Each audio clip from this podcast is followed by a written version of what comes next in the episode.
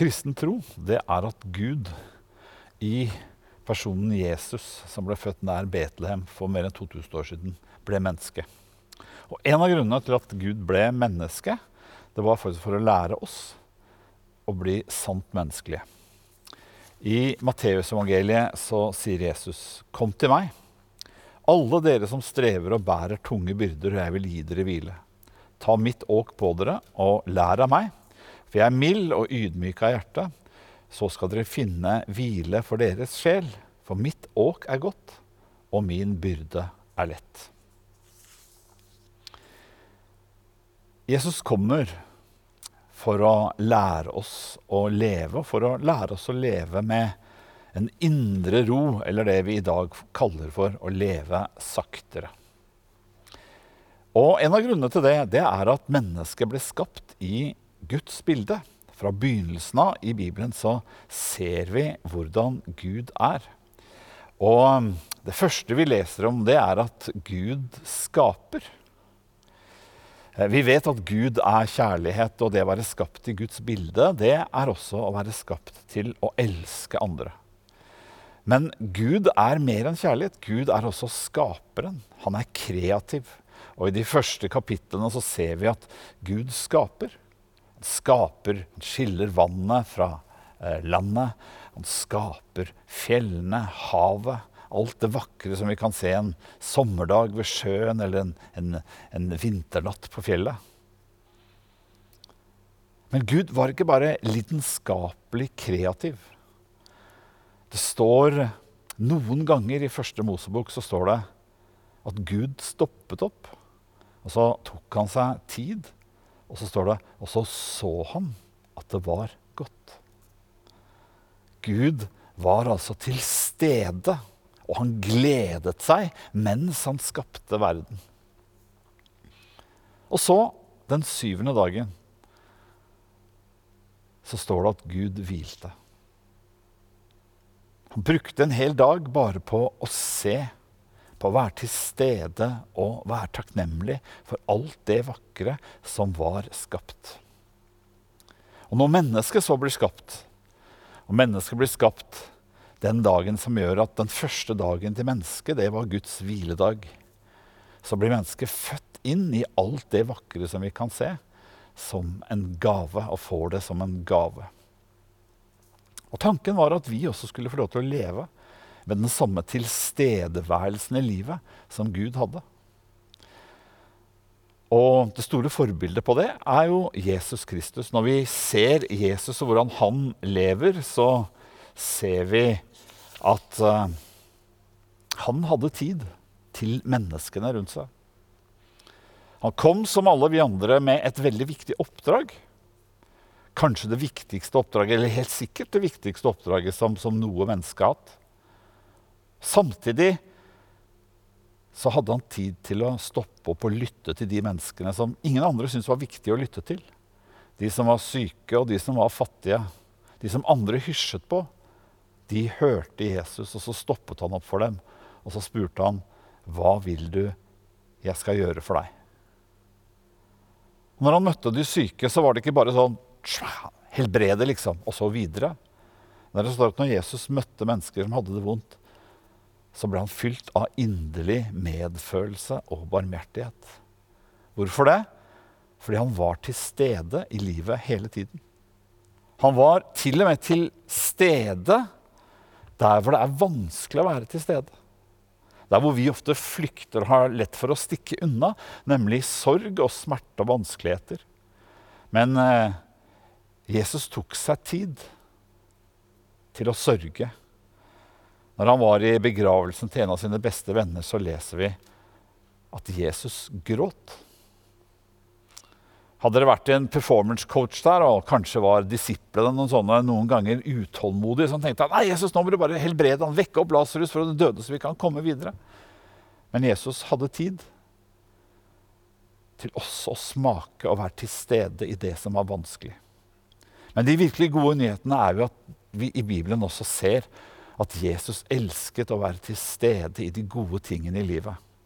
Før det siste måltidet med vennene sine, disiplene sine, sier at de har lengtet inderlig etter å dele dette måltidet ved med dere. De gode nyhetene er altså at Jesus kom for å lære oss til å leve i den livskraftige tilstedeværelsen som Gud selv er bærer av.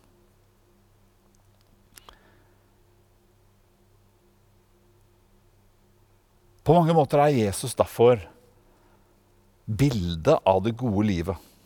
Men vi kan lære av mange når det gjelder å forstå det gode livet. Og de gamle grekerne, Platon og Aristoteles, de lærte oss å søke middelveien.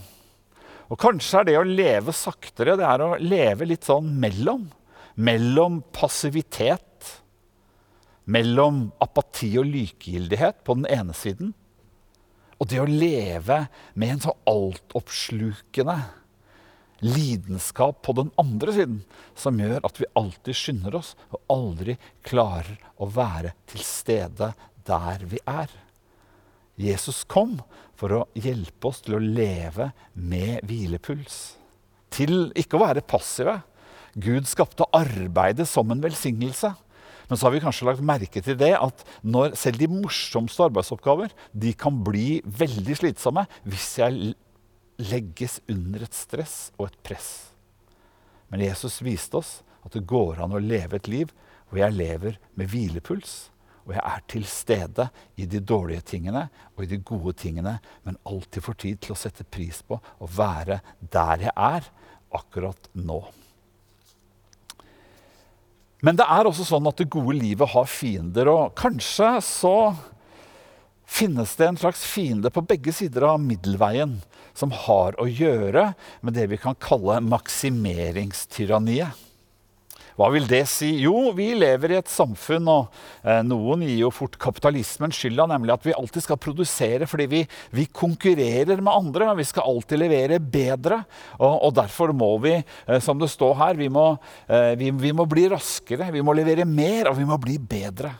Det gjelder både på jobben og det gjelder ofte i eget liv, hvor, hvor selvrealiseringsbehovet vårt ofte kan bli et selvrealiseringstyranni. Hvor jeg alltid føler jeg må prestere, jeg må alltid videre, jeg må alltid bokse. Og så stjeler det tilstedeværelsen. Både overfor meg selv, men også overfor de som jeg egentlig er glad i i livet. Og det er noe rart med mennesket. Vi kan gi kapitalismen skylda, men noen ganger så kan vi se at selv andre systemer kan fordi vi ønsker å skape en effektivitet ut fra en kost-nytte-kalkulering, gjøre grove feil. Og Formann Mao i det gamle kommunistiske Kina gjorde en gang et eksperiment som de kaller de gjøre slutt på de fire plagene. Og de tenkte at spurven spiser opp for mye såkorn. Så Kinas befolkning ble oppfordret til å skyte spurv ødelegge spurvereir, knuse spurveegg når de fant det. Men hva var det som skjedde? Jo, fordi spurven ikke bare lever av korn, men først og fremst av insekter. Så ble resultatet en økologisk katastrofe. Med store gresshoppesvermer som spiste opp kornet, og som skapte sult. Og sånn er det kanskje også når vi prøver å leve alltid, alltid presse, alltid, alltid tenke mål og midler og effektivitet. Da havner vi i det som den tyske sosiologen kalte for rasjonalitetens jernbur. Men igjen så tror jeg det er lov å noen ganger tenke at vi skal bruke den tiden vi får. Jeg tror det fins en middelvei. Denne uka så kjørte jeg kona mi og datteren min til legen, og da plutselig dukket det opp 35 minutter. Jeg kunne sittet passiv, men jeg valgte å gå og handle, for det var en butikk der som har litt mer utvalg enn vi vanligvis handler i. Så kunne jeg på en langsom måte være til stede og forsøke å imøtekomme komme og servere noen nye retter. Det hender jo at vi som er fedre, får klager fra barn og fra ektefeller på at vi serverer litt mye det samme hver gang. Så igjen det betyr ikke at vi ikke skal kunne tenke og handle smart. Men det handler om at noen ganger så tar maksimeringskravet tar overhånd, og det kan møte oss som en ytre fiende. Eh, og igjen så har jeg egentlig bedt disse dagene om at denne prekena ikke skulle bli bare enda et krav som kommer oppå alt det andre. Er du småbarnsforelder, så er det tøffe stunder. Hvor eh, ansvaret Har du ett barn, så er det tungt. Og har du to barn, så er det mer. Og det kan være stunder hvor du føler deg overveldet. Det kan også tenkes at du har en sjef eller står i en arbeidssituasjon etter korona som gjør at vi må jobbe hardt for å overleve. Også noen ganger så handler tilstedeværelse ikke om, bli, om at Gud kommer for å redde oss fra forpliktelsene, men at vi i de små øyeblikkene likevel kan være til stede og glede oss. Når du har to barn som må byttes bleie på samtidig, så kan vi likevel stoppe og prøve å synge, ha et nærvær der som gjør at vi får også dette øyeblikket, selv om det er vanskelig, være et øyeblikk som er fullt av nærhet, av kjærlighet og av tilstedeværelse. Men samtidig er det også sånn at maksimeringstyranniet og selvrealiseringstyranniet, når det blir et system som over tid gjør at livet vårt robbes og ranes for den gode tilstedeværelsen, så er det sånn at Bibelen faktisk lærer oss å gjøre opprør. Derfor så skrev teologen Walter Bryggemann, som vi snart skal få se her, han skrev boken 'Sabbat'. 'Sabbat as Resistance'. og det finnes også andre teologer, litt nyere bøker, som er litt lettere enn Bryggemanns bok. Eh, du har en som heter Aron Svoboda, som har skrevet en bok omtrent med samme tittel. Og du har en bok av en som heter John Mark Comer, som jeg for øvrig fikk anbefalt av Per Eivind, eh, som handler om å ødelegge travelheten. Som er en fiende, og som stjeler fra oss det gode livet. Og det var det israelittene gjorde. De hadde vært slaver. De hadde levd under en leder som ikke elsket dem, men som elsket å utnytte dem. Og Så kom de ut, og så skulle de lære å leve på en ny måte. Og noe av det første som Gud lærer dem, det er å, ta, å holde hviledagen hellig. Eller holde shabbat, som det heter på hebraisk. Hva skulle de så gjøre den dagen? Jo, For det første så skulle de hvile, de skulle ikke arbeide.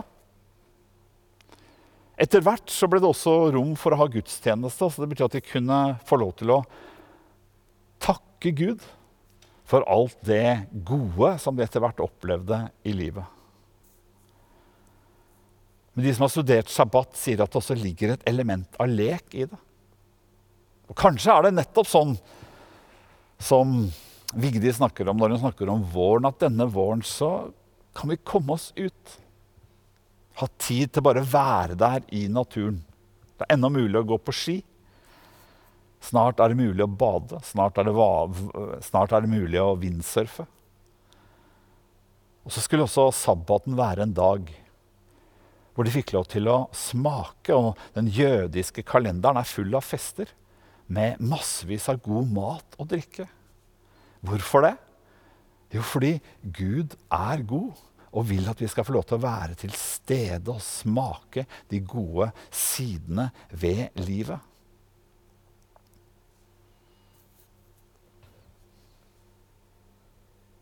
Men så er det også noe her med denne middelveien. For noen ganger kan maksimeringen møte oss som jeg sa, på, på begge sider av middelveien. På den ene siden så har vi det livet hvor vi stresser for å yte mest mulig for å vinne i konkurransesamfunnet. Og så tar vi noen ganger det med oss over på den andre siden. og tenker, Nå har jeg en slags fridag hvor jeg skal maksimere nytelsen min. Og så går vi løs med en egotripp. Med fråtsing i mat, med fråtsing i TV-serier, med fråtsing i mye. Som gjør at vi ikke er til stede for oss selv, og ikke til stede for de andre. Derfor er det å finne, som Nehemia sier i Det gamle testamentet det å finne gleden i Gud, det å finne den gode hvilen, det er ikke nødvendigvis lett. Men der ligger også nøkkelen til å få lov til å være til stede i livet vårt. Hvorfor skal vi da holde hviledagen hellig? Hvorfor skal vi hvile en dag i uka? Jo, vi skal gjøre det fordi Gud har befalt oss det. Og han trenger noen ganger å befale oss det, fordi noen av oss er sånn at vi tenker at jeg må gjøre litt til, jeg har ikke fortjent det. Men hviledagen kommer ikke basert på at vi har gjort nok. Hviledagen kommer til oss som en gave som rammer både de som har jobba for mye, og de som har jobba for lite. Vi skal få lov til å være der en dag og være til stede med det som er i livet, i takknemlighet til Gud.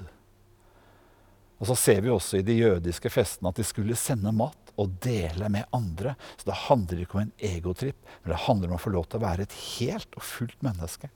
Og det blir vi også når vi er sammen med de menneskene vi elsker, og når vi får gi til andre.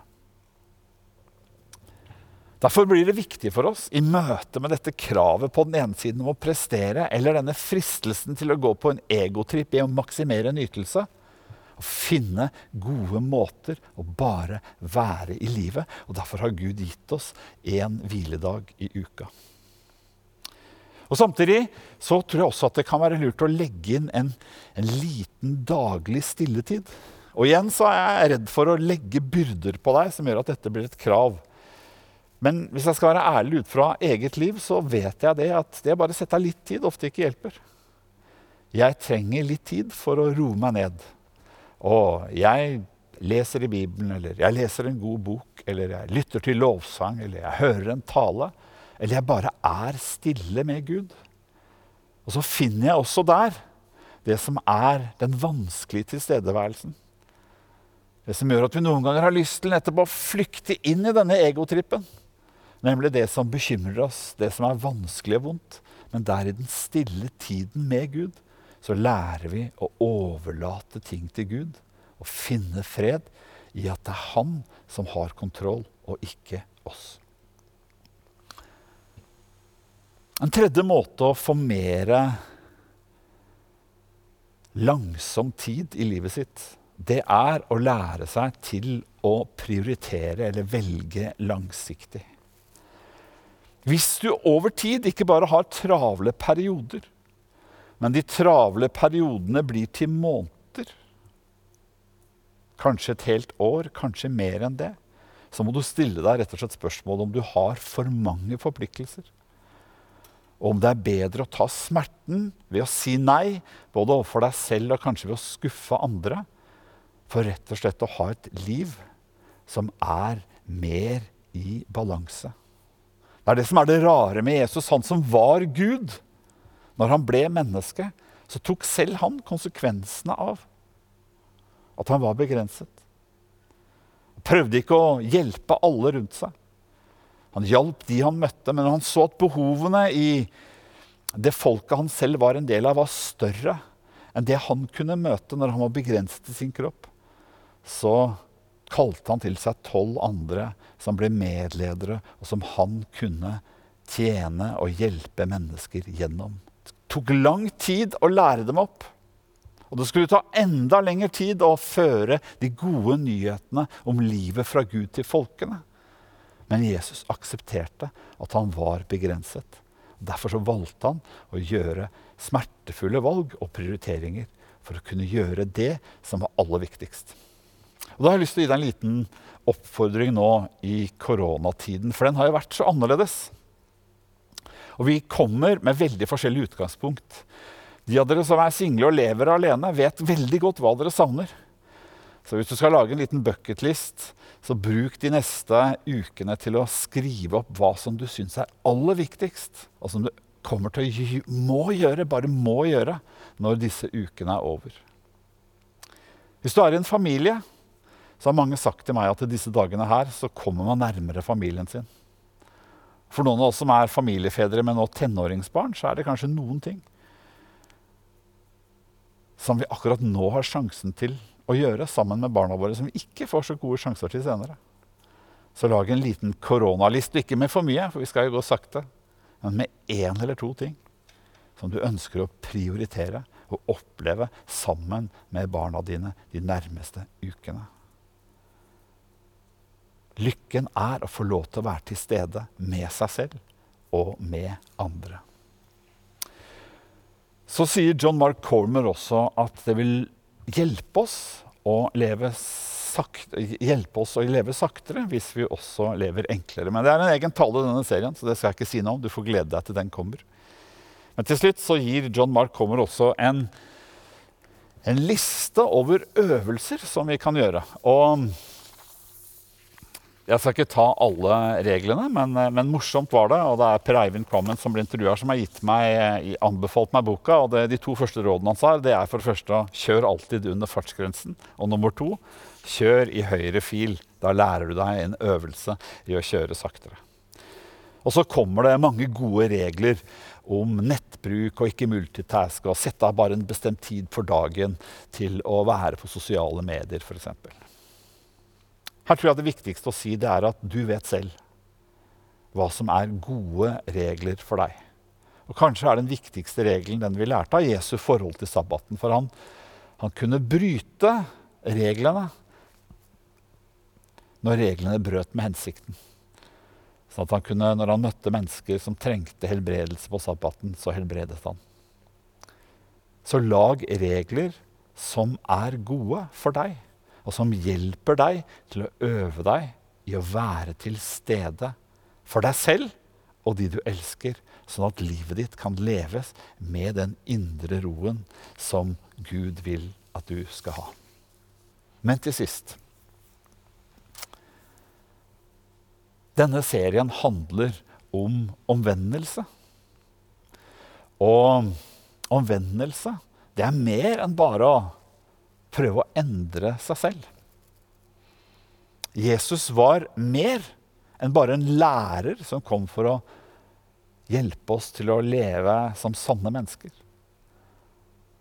Han presenteres også i Bibelen som en frelser.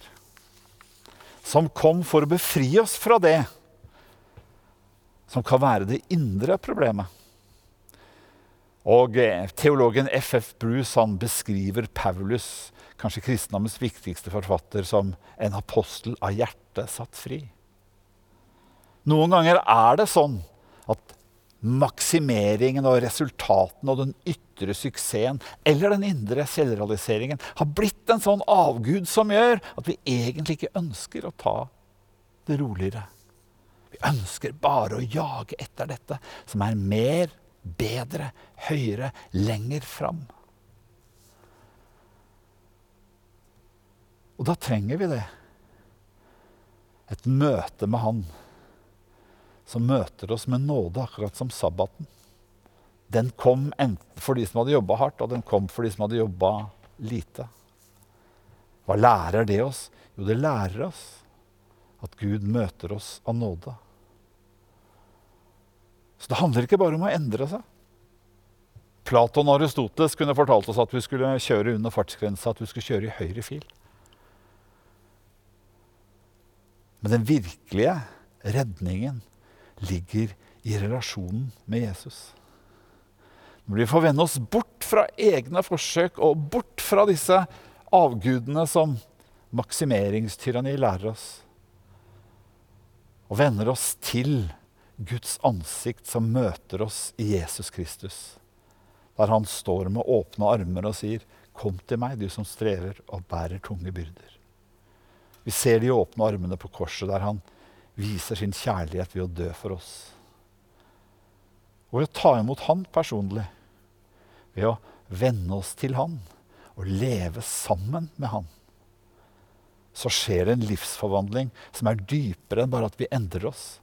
Apostelen Peter sier at vi får del i guddommelig natur. Det betyr ikke at vi blir ubegrensede guder, men det betyr at vi tar imot kjærligheten og den livspusten fra, som kommer fra Gud, setter oss fri fra travelheten og hjelper oss til å leve til stede for oss selv og til stede for andre.